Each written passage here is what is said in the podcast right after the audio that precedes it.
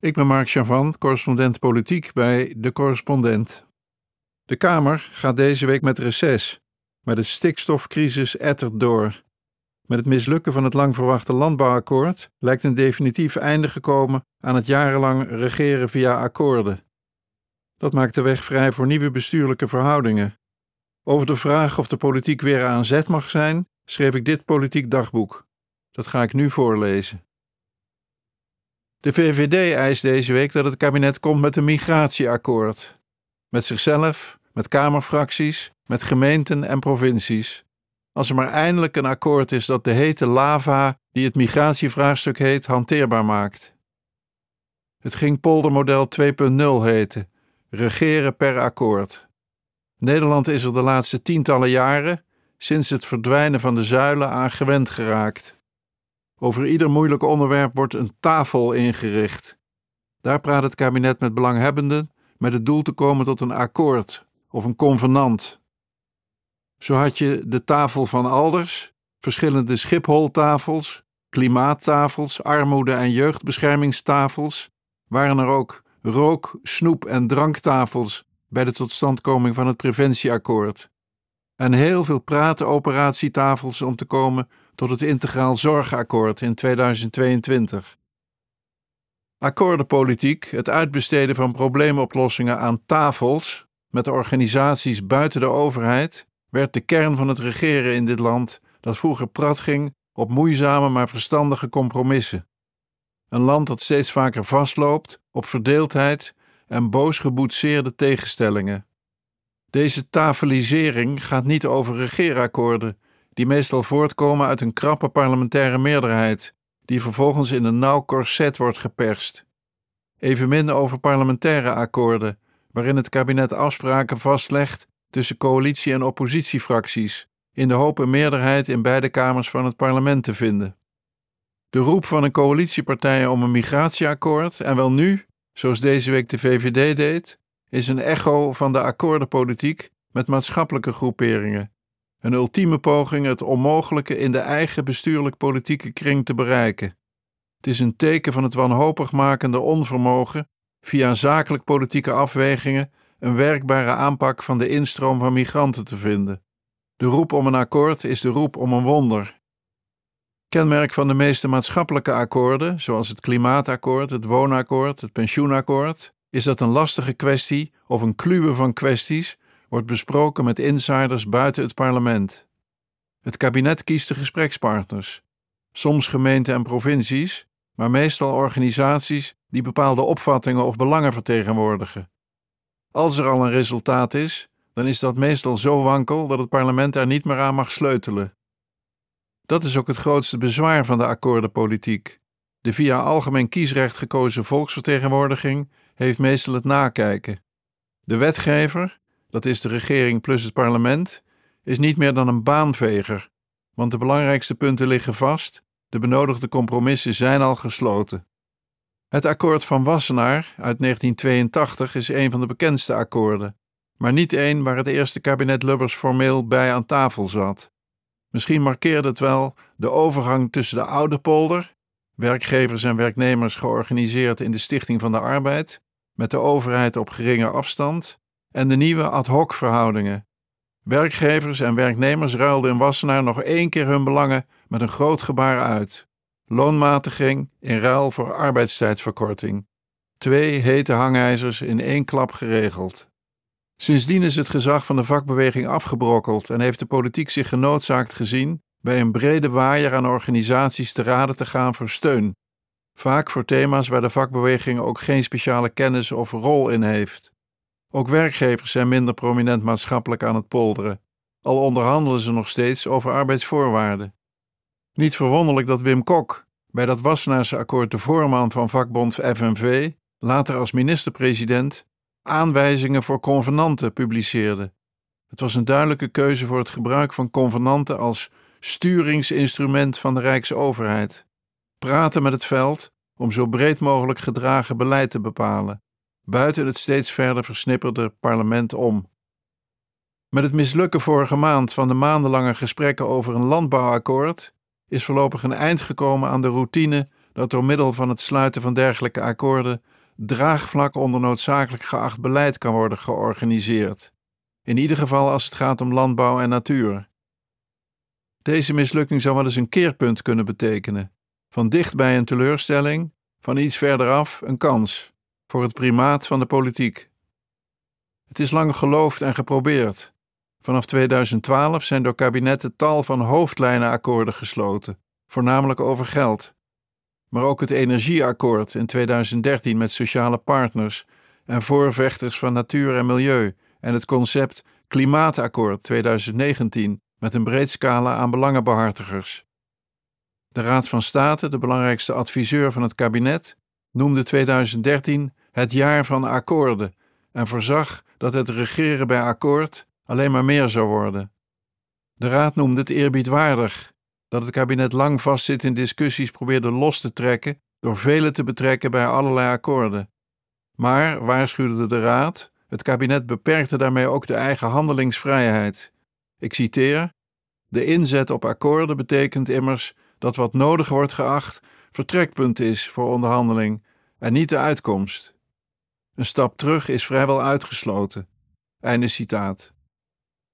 Het derde kabinet Rutte, dat regeerde van 2017 tot 2021, beloofde in zijn regeerakkoord tientallen akkoorden op allerlei terreinen. Het was volgens dat kabinet dé manier om de maatschappij bij het beleid te betrekken. Het parlement, waar het kabinet zelf uit was voortgekomen, had kennelijk niet meer het gezag of de representativiteit om de burgers ervan te overtuigen dat ook aan hun belang was gedacht. De Groningse staatsrechtgeleerde Douwe-Jan Elsinga sprak destijds van een stille bestuurlijke revolutie. Zo fundamenteel en problematisch vond hij de keuze voor een radicale akkoordenpolitiek. Een van de meest sprekende voorbeelden was het Nationaal Preventieakkoord, in 2018 gesloten tussen het kabinet en ruim 70 partijen, zoals patiëntenorganisaties, zorgaanbieders, zorgverzekeraars, gemeenten, sportbonden, bedrijven, fondsen, onderwijs en andere maatschappelijke organisaties. Het bevatte mooie intenties om roken, drinken en ongezond eten terug te dringen, maar vrijwel geen afrekenbare doelen. Die hadden de betreffende belangenbehartigers uit de tekst weten te houden. Er was het kabinet in de persoon van staatssecretaris Paul Blokhuis veel aangelegen geweest om toch een akkoord te bereiken. In 2018 was de kritiek van de Raad van State uitgesprokener. De partijen die bij onderhandelingen voor akkoorden aan tafel zitten, hebben eigen belangen, zei de Raad. Van hen kan niet worden verwacht dat zij het algemeen belang in het oog hebben. Bovendien zitten niet alle partijen aan tafel en zijn de wel aanwezigen van zeer ongelijk gewicht. De wetgever, al dus de Raad van State, kan dus niet zomaar uitgaan van de optelsom van deelbelangen die aan al die tafels een compromis bereikten. Ik citeer: Soms wordt de beleidsvoorbereiding en aansluitende wetgeving in feite uitbesteed aan doelgroepen van de regeling zelf.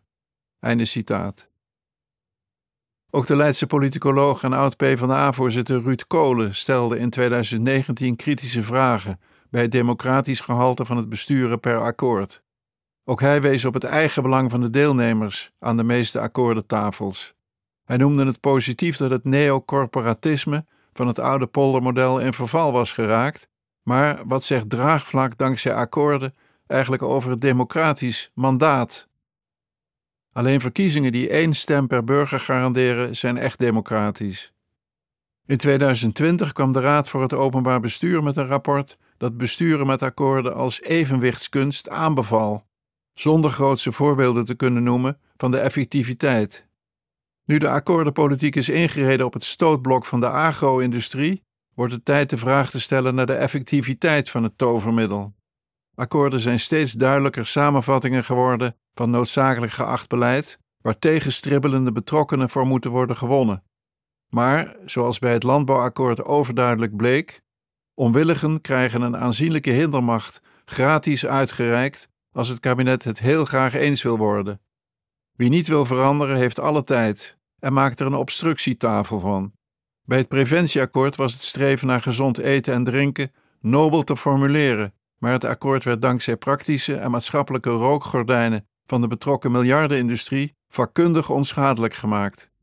Kleine stapjes in de rookontmoediging hier, uitstel van het verbod op pina colada puffers daar. Kijk naar de Schiphol-tafels, de versies van het Klimaatakkoord en veel andere tafels. Iedereen is er druk mee geweest, kon wijzen op zijn goede wil en de noodzaak er samen uit te komen. De sfeer was goed, zakelijk of grimmig. Maar één constante was dat het veel tijd kostte. Maar beslissingen en naleving van de gemaakte afspraken? Hmm. De akkoordenpolitiek is vooral ook uitstelpolitiek geweest. Het doet even pijn om het vast te stellen. We waren er zo blij mee.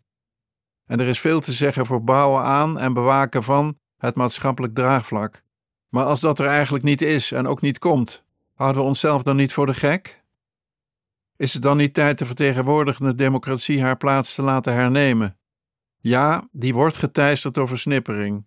Zeker, spelverruwing tast het gezag van de parlementaire politiek aan. En ja, maatschappelijk protest is overal en dat uit zich niet mild of mals. Maar zijn dat redenen om het er maar bij te laten zitten? Je kunt het einde van de akkoordenpolitiek ook zien als een kans en opdracht om het primaat van de politiek te herstellen. Dat betekent dat de regering analyseert welke opgaven er liggen en hoe die binnen bestaande en eventueel nieuwe wetgeving op te lossen, in samenspraak met het parlement, dat mede regels vaststelt en toeziet op de uitvoering. In de laatste kabinetten is de hernieuwde roep om herstel van het primaat van de politiek vooral opgevat als een machtiging om deskundig advies en opbouwende kritiek buiten de deur te houden. In de ambtelijke omgeving van bewindspersonen is het primaat te veel opgevat als de minister uit de wind houden en de politiek dominante opvatting van het moment is per definitie gelijk aan het algemeen belang. In de Kamer hebben sommigen, vooral van de oppositie, dat primaat van de politiek in drastisch en permanent boze tonen verwoord. Sommigen deden dat om boven het gekrakeel van 19 andere fracties uit te komen en gedreven activistische Kamerleden als Omtzigt en Leijten om de algoritmisch verdwaasde overheid wakker te schudden, waarbij zij soms het eigen gelijk boven de empathie met de uitvoerende ambtenaren stellen. De huidige acute fase van de onmacht is een dringende uitnodiging het primaat van de politiek in goede zin opnieuw uit te vinden.